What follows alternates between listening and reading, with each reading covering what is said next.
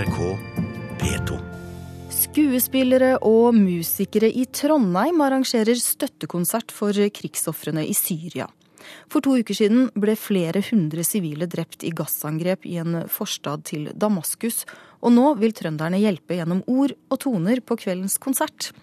I Vår Frue kirke er de i gang med lydprøver, og der er du reporter, Kaja Kristin Næss. Ja, som du sikkert hører, så er de godt i gang. Det er Knut Størdal som sitter ved pianoet. Og foran oss her så har de tent lys, telys, i et kors.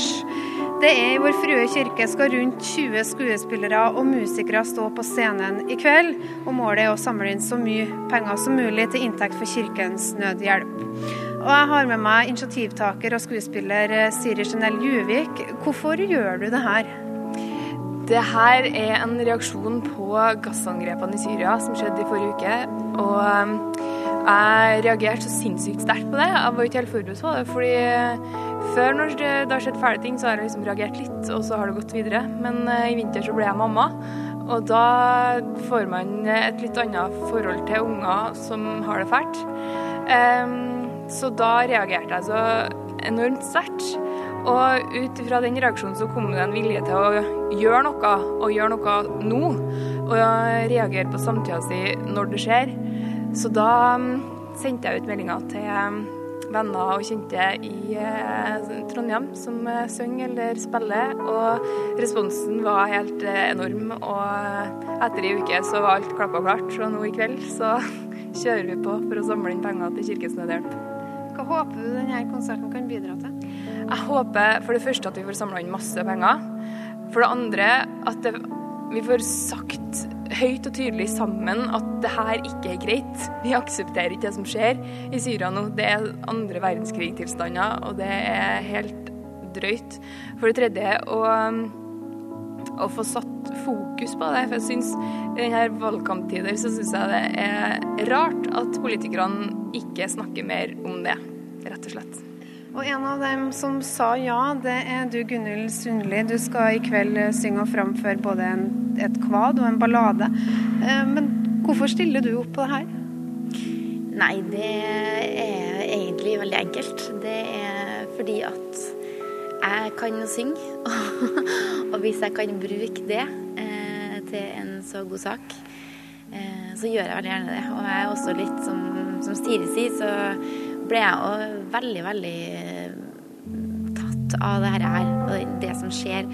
Eh, litt ekstra enn hva man eh, opplever å bli ellers når det skjer ting rundt omkring i verden.